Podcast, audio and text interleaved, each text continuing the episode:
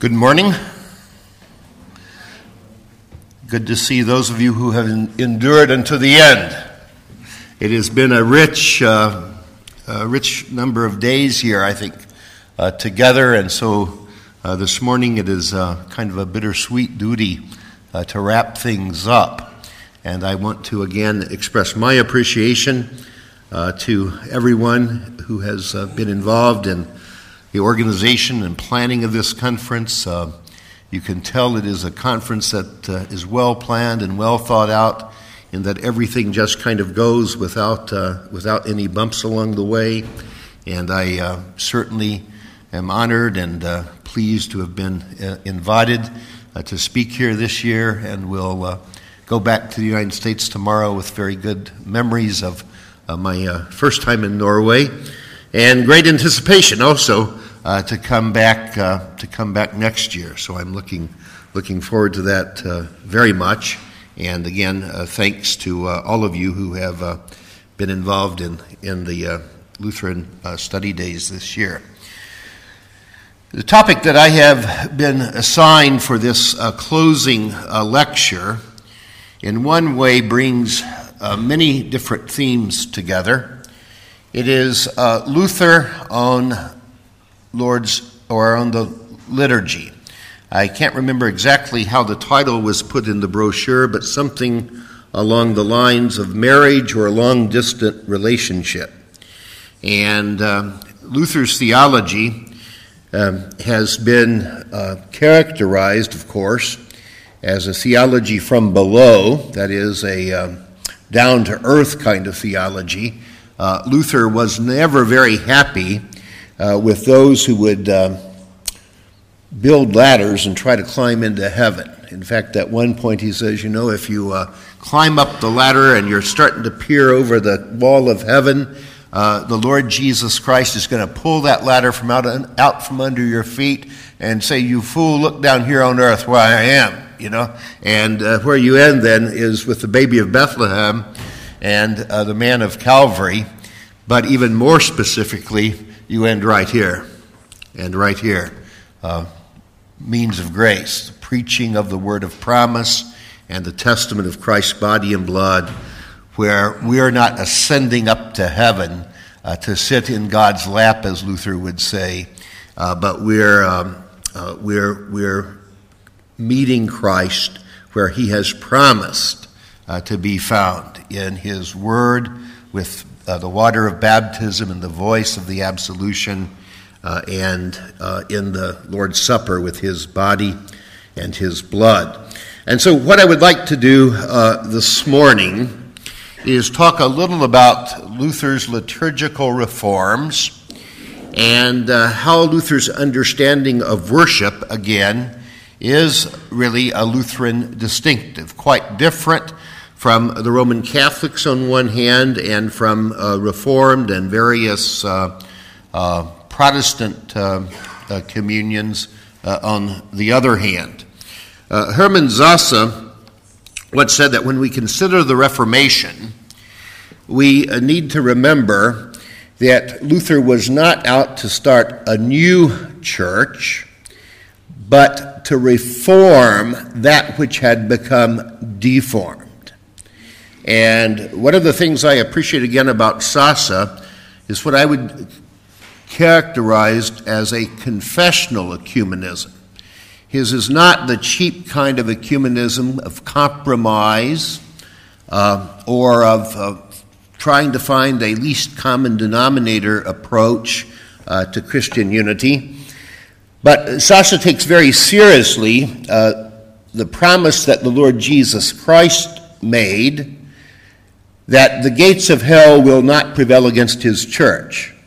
And so it is not as though the church existed in New Testament times and then sometime after the death of the last apostle, it simply kind of evaporates or goes into hibernation uh, for uh, a millennia and a half and then is restored once Luther's hammer hits the nail uh, at uh, Wittenberg on October 31, 1517.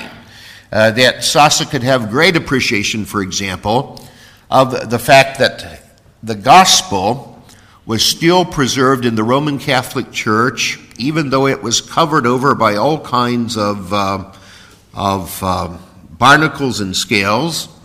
That uh, in the liturgy, even though the lay people could barely, if even uh, in reality, hear it, uh, the words of Christ in the Eucharistic prayer, the canon, our Lord Jesus Christ in the night in which he was betrayed. Those words were heard. The Agnus Dei, O Christ, the Lamb of God who takes away the sin of the world. Uh, the reading of the Holy Scriptures, uh, the recitation of the Creed. That the gospel, Sasse says, was preserved in the liturgy, but the liturgy under the Pope was also held into captivity.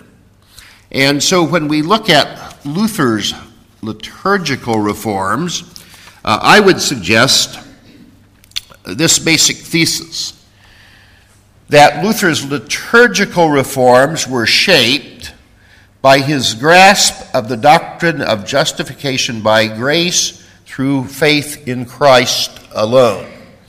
That is to say, Luther was not a iconoclast simply destroying everything that had been there in the tradition. But he took the tradition of the Western Mass, the liturgy, and he filtered it through the sieve of justification by faith alone. And that which did not contradict the plain witness of Scripture or the dynamic of justification by faith was left in place. That's the reason if you go to a Roman Catholic um, Mass today, you will see great similarities with the structure of the, their Mass and what we have within evangelical Lutheran Church uh, in terms of the so called uh, ordinaries the Agnus Dei, the Sanctus, the Gloria in Excelsis, Creed, re- lectionary, and, um, and, and, and so forth. And so we see Luther beginning to make his moves uh, in uh, 1520 in particular. And there are two pieces from 1520 that I would uh, call your attention to, and I'll highlight a couple of things from each of these writings. Uh, the first is the treatise on the New Testament, that is the Holy Mass. And then in the same year, uh, the Babylonian captivity of the church, which of course is one of his well known reformational, uh, reformational writings. In the treatise on the New Testament, that is the Holy Mass, uh, Luther makes a number of points that are really kind of preliminary to anything that he does later on in 1523, 1526 in particular, with liturgical reform. And so in the treatise on the New Testament, Luther says if man is to deal with God and receive anything from him, it must happen in this manner. Not that man begins and lays the first stone, but that God alone, without any entreaty or desire of man, must first come and give him a promise. Now, that's going to be central in Luther's argument uh, that the liturgy is not another ladder that we build up to God. Uh, we don't, um, you know, engage in kind of ritual activity to call God down. If you want to read descriptions of that approach to worship, I would suggest you read the Old Testament and the critique of the prophets of, of Baal. You know, the prophets of Baal were into liturgical dancing. Uh, they put on quite a show to get their God to show up. Well, Christians don't have to worry about pulling God down from heaven. He comes according to his promise. That's Luther's argument.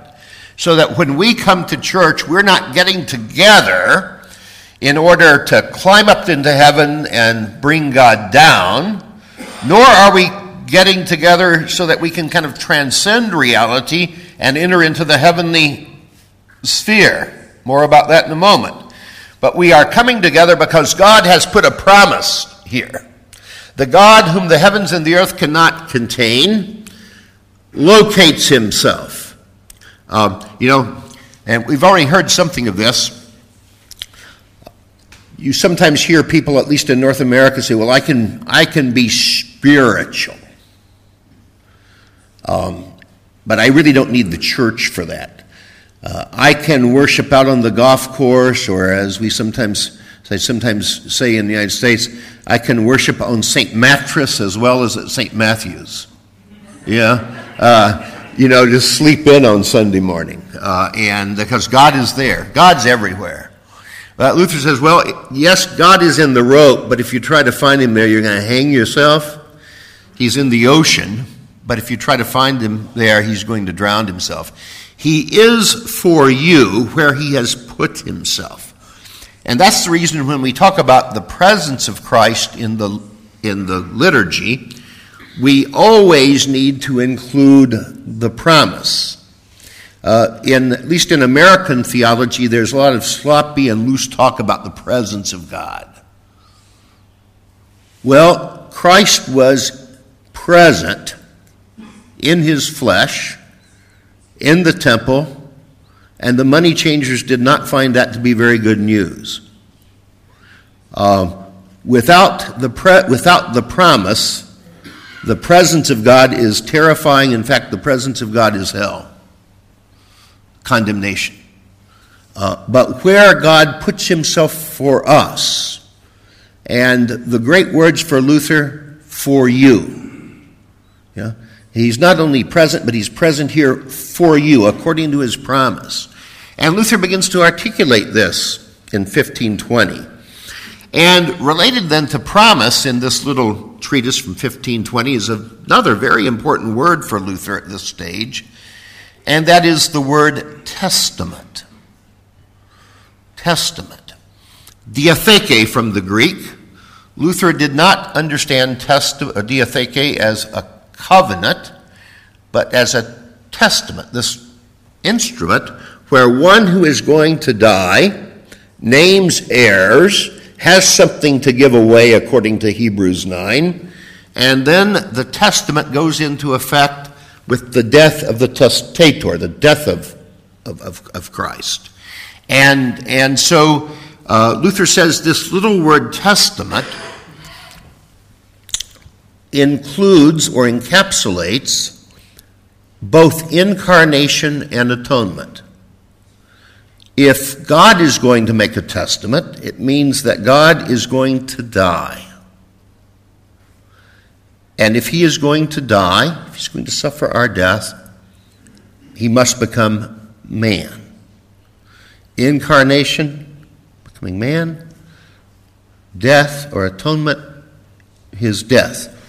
And, um, and, and so that Luther says that when God, when Christ uses the word testament, he is in fact uh, promising, uh, promising his, his, his death and his death for us.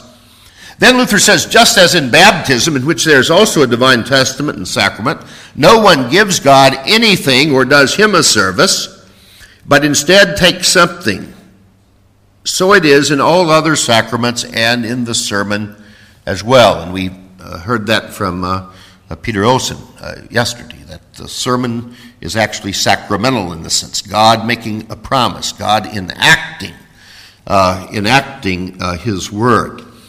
And here in 1520, Luther begins to draw the distinction between sacrifice and sacrament. Uh, one of the great books that I've been indebted to for my study of this is by uh, the late Norwegian uh, theologian Carl Wisløff. Uh, I don't know what the Norwegian title of his book is, but in English it's The Gift of Communion, where he uh, studies Luther's understanding of the distinctive nature of the sacrament, not as a sacrifice, something that we offer to God, but as a gift, as a testament that which we uh, receive uh, from God. And so uh, Luther makes a distinction between sacrificium and beneficium, between sacrifice and benefit. Uh, sacrifice is what human beings would offer to God. The beneficium is what God would offer to us. And so when we come to the Lord's Supper, we are not coming to offer something to Christ. We are coming simply to receive what he gives according to his word and promise in his testament. And so then Luther concludes this 1520 uh, piece by saying, What is the whole gospel but an explanation of this testament? What is the whole gospel but an explanation of this testament? So you, Luther sees the words of what we call the words of institution, Christ's words, as the gospel in a nutshell. Uh, given and shed for you for the forgiveness of your sins. And this forgiveness is actually now given you uh, with Christ's body and blood, and it is to be received in faith. The second piece that Luther does in 1526 is a better known Reformation writing, a Babylonian captivity of the church. And there he was purposeful, I think, in his, uh, his titling this essay. He's saying the church has been there all along, according to Christ's promise, but it's been taken into captivity. With the analogy back to the Old Testament, uh, uh, the people of uh, Jerusalem going into uh, captivity in, in, in, Babylon. And, um, and Luther then kind of systematically uh, critiques the sacramental system of the Roman Church with. Um, it's uh, seven sacraments, uh, even though the uh, number of sacraments had not been actually confirmed as seven until the Council of Trent, but it was kind of popular understanding that there were seven sacraments. Roman Catholic uh, theology, uh, prior to the Reformation, you could have you could have as many as 34 sacraments.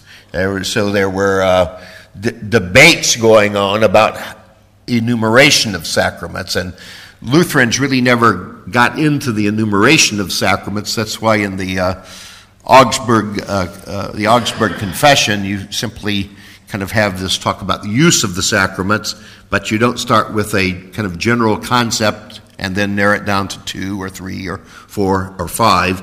You start rather with what Christ says uh, about baptism, about uh, Lord's Supper, about, uh, uh, about absolution. And so the uh, Lutherans were really never interested in trying to nail down an exact number of sacraments. That could be, that could be fluid, as, as we learn in the, in the apology to the Augsburg Confession.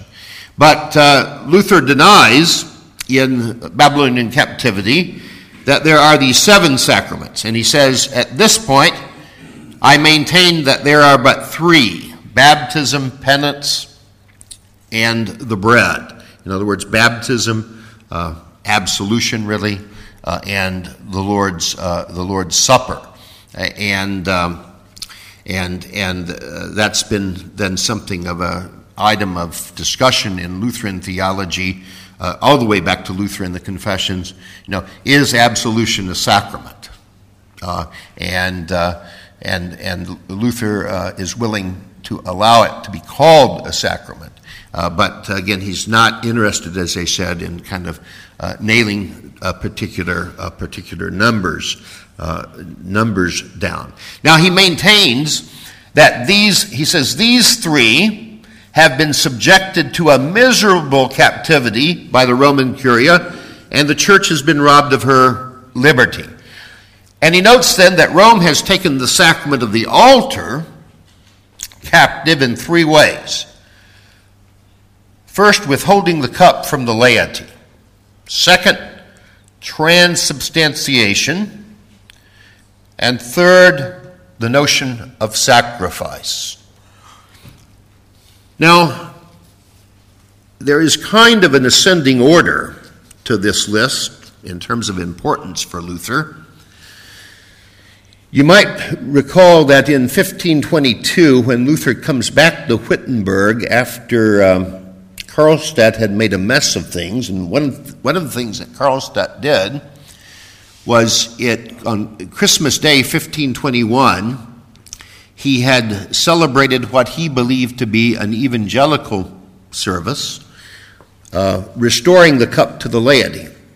And there are stories there about people, uh, lay people, coming down, then to receive the cup for the first time, being caught in absolute terror and fear that they were actually partaking the blood of Christ.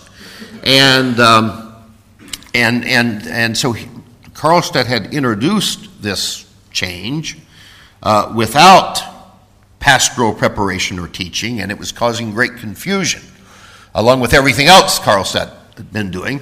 So when Luther comes back in March 1522, he goes back to the old practice of only administering the sacrament under the one kind, the bread.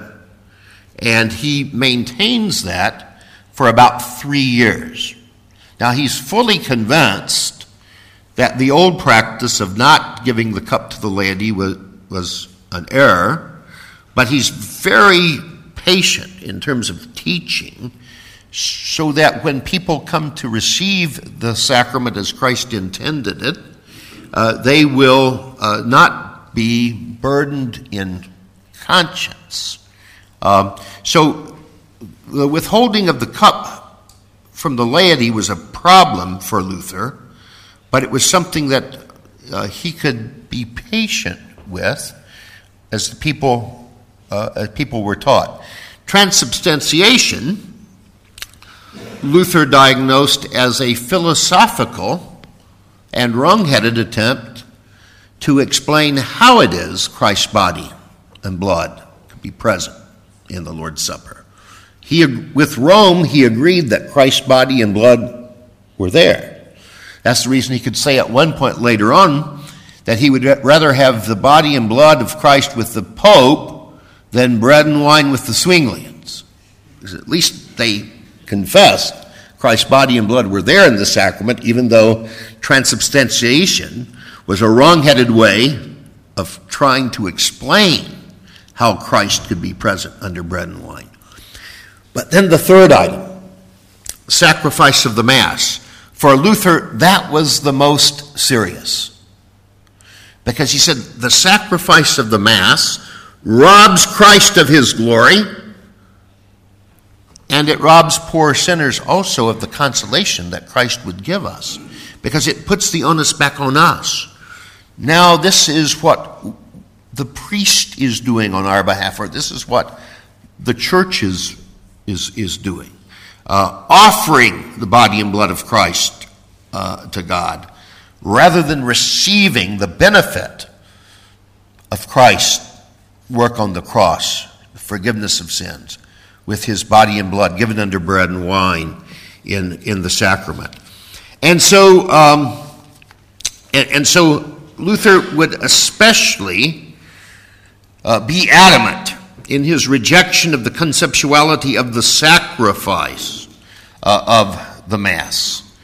And this, uh, these uh, items laid out in, um, in these two 1520 writings will actually guide Luther's uh, liturgical, um, liturgical reform.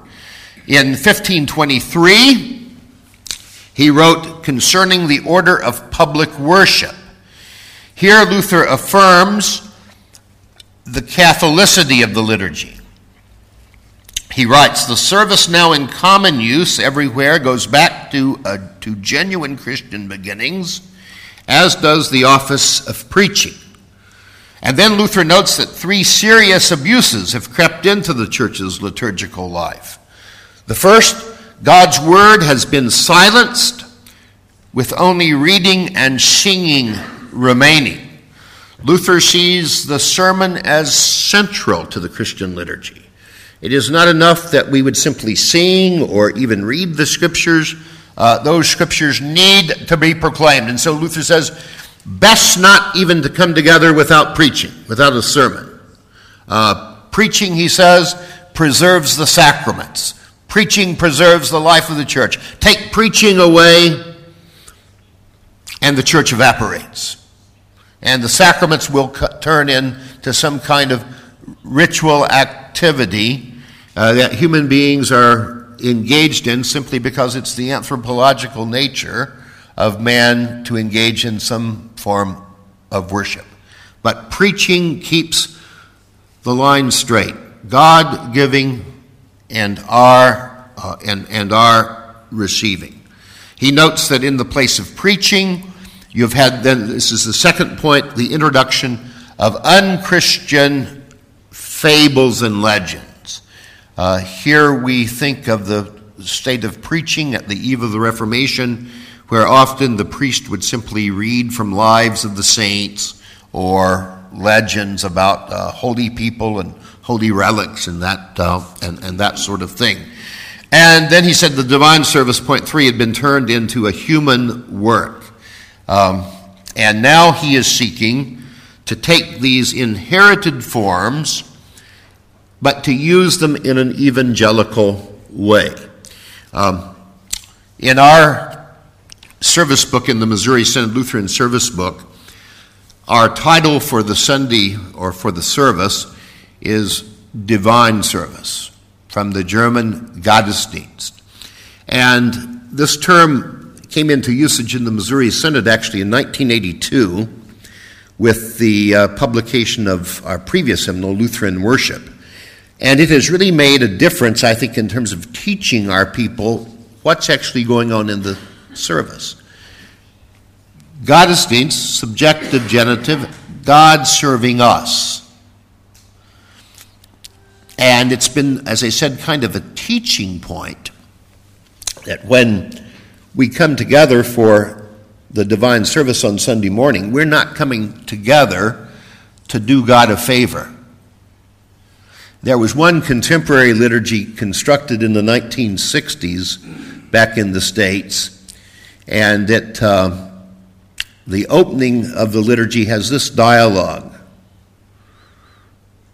The, the uh, pastor says to the congregation, We are here. The congregation replies, We are here because we are men. I couldn't use that language today because it's not inclusive, but still in the 1960s they could use it. But, you know, kind of announcing to God, We are here. Uh, we are here because we are men. That, you know, well, so what? You know, the, the point is that it's not that we are here so much as it is God has put a promise, and because of his promise, we've been gathered together to receive. I think so often, at least in the United States, uh, worship was defined in basically Calvinistic terms. Um, if in the Roman church, you come together so you're in the presence of the holy elements as the priest makes the sacrifice, man to God. In Reformed Christianity, worship is defined something like this the ascription of worth to the majesty of a sovereign God. And um, a lot of Lutherans, I think, have kind of bought into that.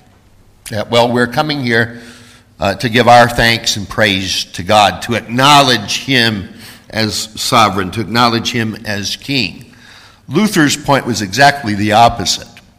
You're coming here because you are needy sinners, and God has made a promise, and He's going to distribute that promise in preaching and with uh, the body and blood of His of His Son. So Luther did not scrap the traditional liturgy, but purified it took what, as Sasse said, was deformed and uh, reformed it.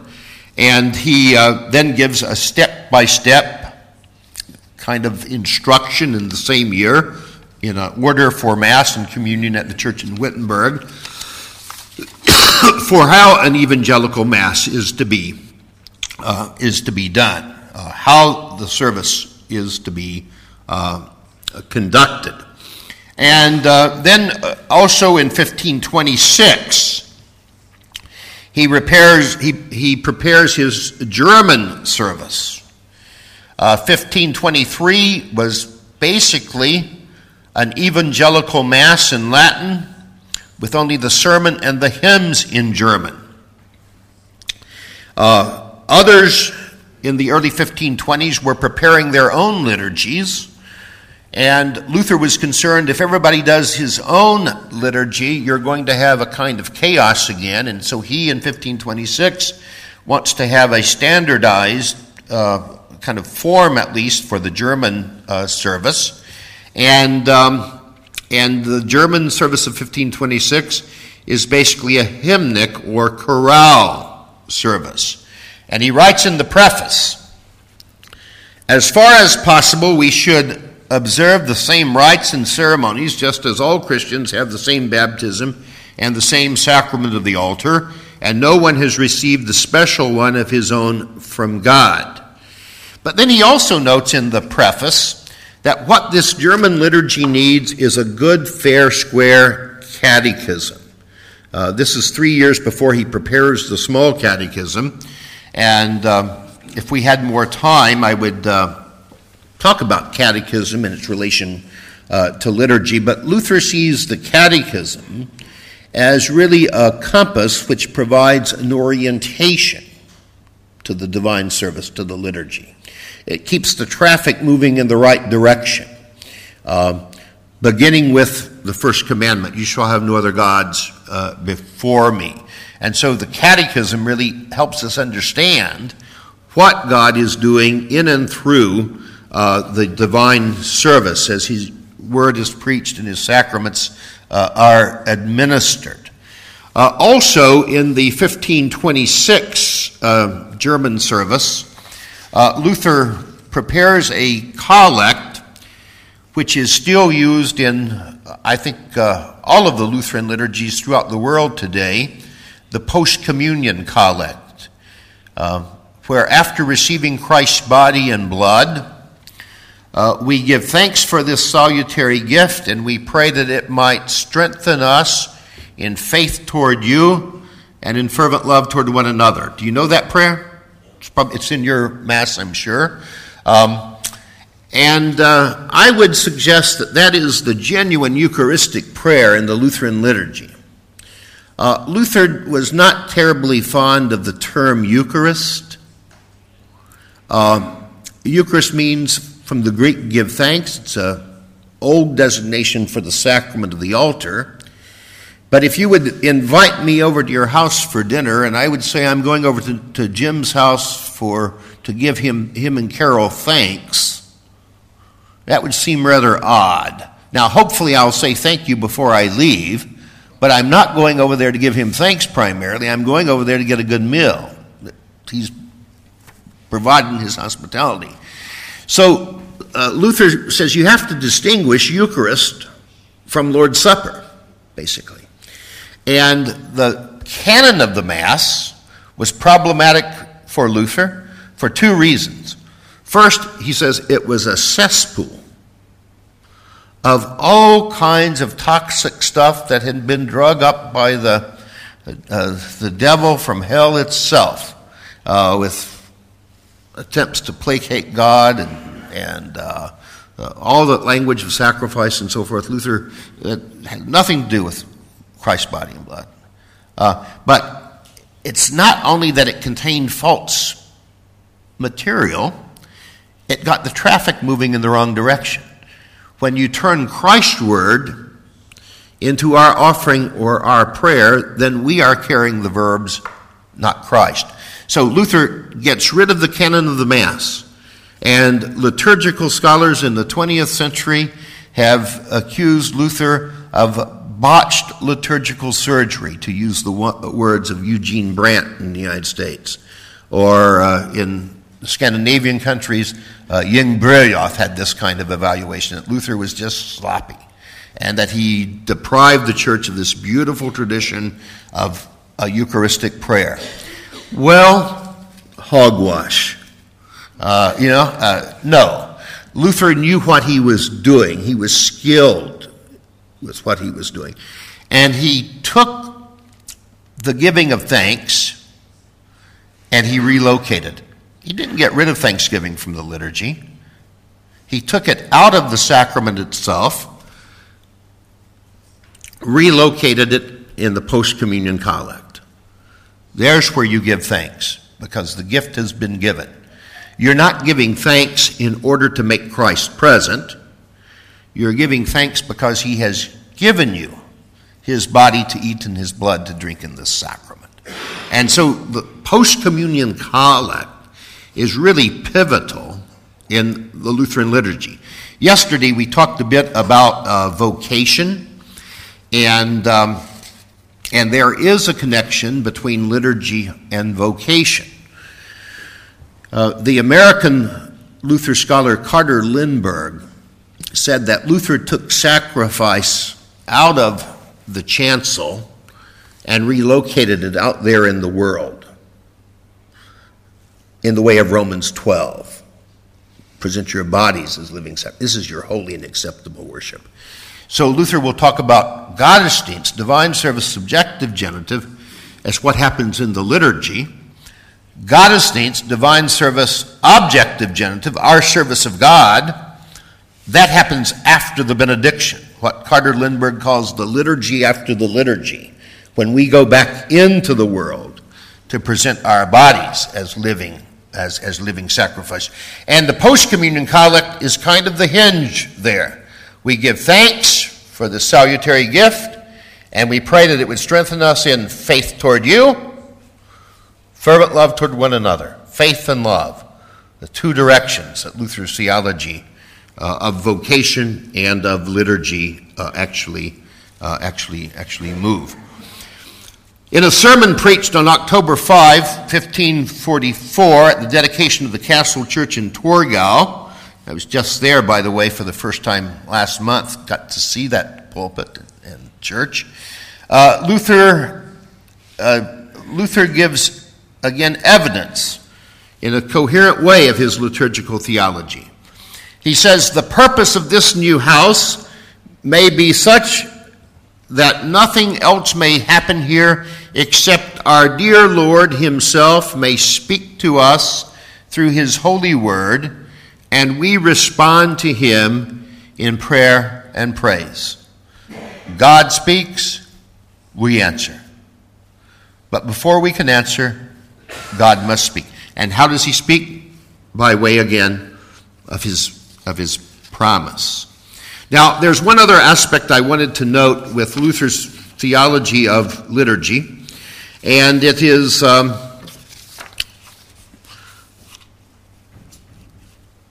summarized like this in Luther's own words from his 1525 piece against the heavenly prophets. Heavenly prophets were those that Luther said, those people who had swallowed the Holy Ghost, feathers and all uh, you know, their, their accusation for Luther is that Luther's God needed a cart. Uh, they said, Our God doesn't need a cart, he just kind of whoof. Uh, and Luther said, This is enthusiasm, you know, in God or, or God within us. And Luther saw that as, as very dangerous. And so he writes this treatise against the heavenly prophets. But he has this great line if I now seek the forgiveness of sins, I do not run to the cross, for I will not find it there. Nor must I hold to the suffering of Christ, as Dr. Karlstadt trifles, in knowledge or remembrance, for I will not find it there either. But I will find in the sacrament or gospel the word which distributes, presents, offers, and gives to me the forgiveness which was won on the cross. History is both absolutely essential and problematic for the Christian faith. If Christ be not raised from the dead, our faith is in vain, Paul says. If the things that we confess in the Apostles' Creed did not happen in real history, then we are indeed of most men to be pitied. But history is also a problem. There's that wide, deep, deep ditch between the events of Calvary and where we are September 3, 2017. And Luther's point is that we don't somersault over these years of history to end up back at Calvary, but rather Christ takes what he accomplished for us at Calvary and delivers the benefits of his suffering and death to us right here, right now. And I think this is wonderfully illustrated, and this is kind of the conclusion, actually, of uh, the lecture. So I'm going to step away here uh, from the podium a moment to the uh, screen. This is, I think, wonderfully illustrated in the uh, altarpiece by the uh, Reformation artist Lucas Cranach. If you've been to the St. Mary's Church, the uh, city church in Wittenberg, you've seen the altarpiece. It was um, painted by Lucas Cranach the year after Luther's death, 1547. And even though it came near destruction a couple of times in uh, history, it's been preserved, it's still there uh, today.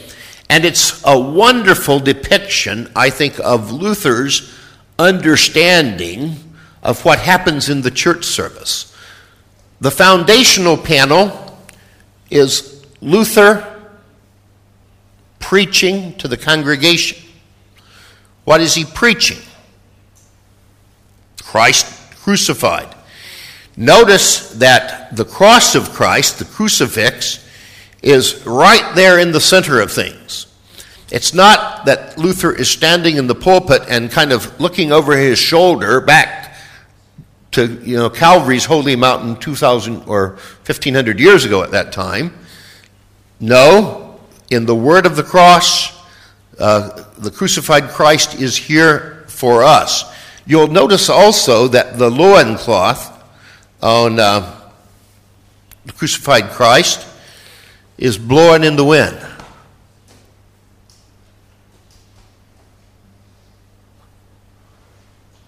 The Spirit blows where He wills. And the Spirit is there in this preaching of Christ crucified. Uh, you know, uh, this is Luther's understanding of Word and Spirit put together, right there in the cross, and the preaching of the cross. So, the preaching of Christ crucified, foundational. And then you have panel on baptism. Um, and uh, the congregation gathered around the baptismal font with Melanchthon doing the baptizing. Now, we know Melanchthon wasn't ordained. There's no evidence that Melanchthon ever was efficient at a baptism. Uh, but Cranach paints him in. You know, again, as Jim mentioned yesterday, uh, when you look at Luther, you have to also look at uh, Melanchthon. You can't be Lutheran uh, with only Melanchthon or with only Luther. You need, uh, you need the two together. Well, Cranach, I think, in his own way, recognized that. But the point is not so much that it's Melanchthon baptizing, but that baptizing is going on. Center panel, kind of the largest panel there is. Um, the Lord's Supper. And then uh, the, uh, the third panel there, Pastor Bugenhagen uh, exercising the keys, binding the sin of the impenitent, loosing the sin of the one who uh, repents. And I've often used this in, when I was a pastor in a congregation as a kind of visual piece for a whole Bible study uh, on preaching means of grace. It's a wonderful, I think, depiction of what we have, uh, of what we have been uh, talking about here, uh, talking about here uh, this morning. Uh, so back then to the uh, given title for this lecture, and let me then try to, to, to, wrap it up. we are not involved in a long distance relationship with our Lord Jesus Christ. Uh, we are not trying to, as I said, time travel, you know, to get close to Jesus by going back to Jerusalem. Uh, some people talk about taking their pilgrimages to the Holy Land. I've never been there uh, myself, but uh, you know how close they feel to Christ when they go back there. Well, that's kind of nice, I guess, but you don't really have a promise attached to Jerusalem or to Palestine or to the Garden Tomb. But you do have a promise attached to the altar, to baptism, uh, to preaching, you don't have to go back to Jerusalem to get close to Jesus. Uh, in fact, if you're going back there for that reason, you're not going to find him there. He's ascended to the right hand of the Father that he might fill all things. And he's here now for us where he has promised to be. And so we come together in the Christian congregation uh, not to uh, fulfill our Sabbath obligation. There you'd want to read Luther on the third commandment. It's not we who make the day holy by our observance, it's the holy thing, the Word of God, that makes the day holy. And that word administered uh, both orally and, and, and sacramentally. And where Christ has made this promise, there he can be counted on uh, to show up. And so we come together, you know, week after week, uh, with our sin, uh, with our doubt, with our uh, frustration, and our cry is simply, uh, Kyrie, Lord have mercy. And we can make that cry, Lord have mercy, because he has promised his mercy to us. And receiving that mercy, then we acclaim him in confession, in praise, thanksgiving, with our prayers. He speaks, we listen, and then we speak back to him. Uh, Dietrich Bonhoeffer once wrote, It is the richness of the Word of God, not the poverty of our own hearts, that ought to determine our prayers. And I think we could paraphrase Bonhoeffer there that uh, to say also in our worship. It's not, it's not, you know, the poverty of our own worship that determines things, but the richness of God's word, His promise uh, to be our Emmanuel. Two or three gathered together in His name, He is going to be there. He's given us His word. He's given us His baptism, His absolution, His body, and His blood. These are the things that count. And these are the things that can be counted on for Christian faith and life in this world and facing the world to come. Uh, thank you very much.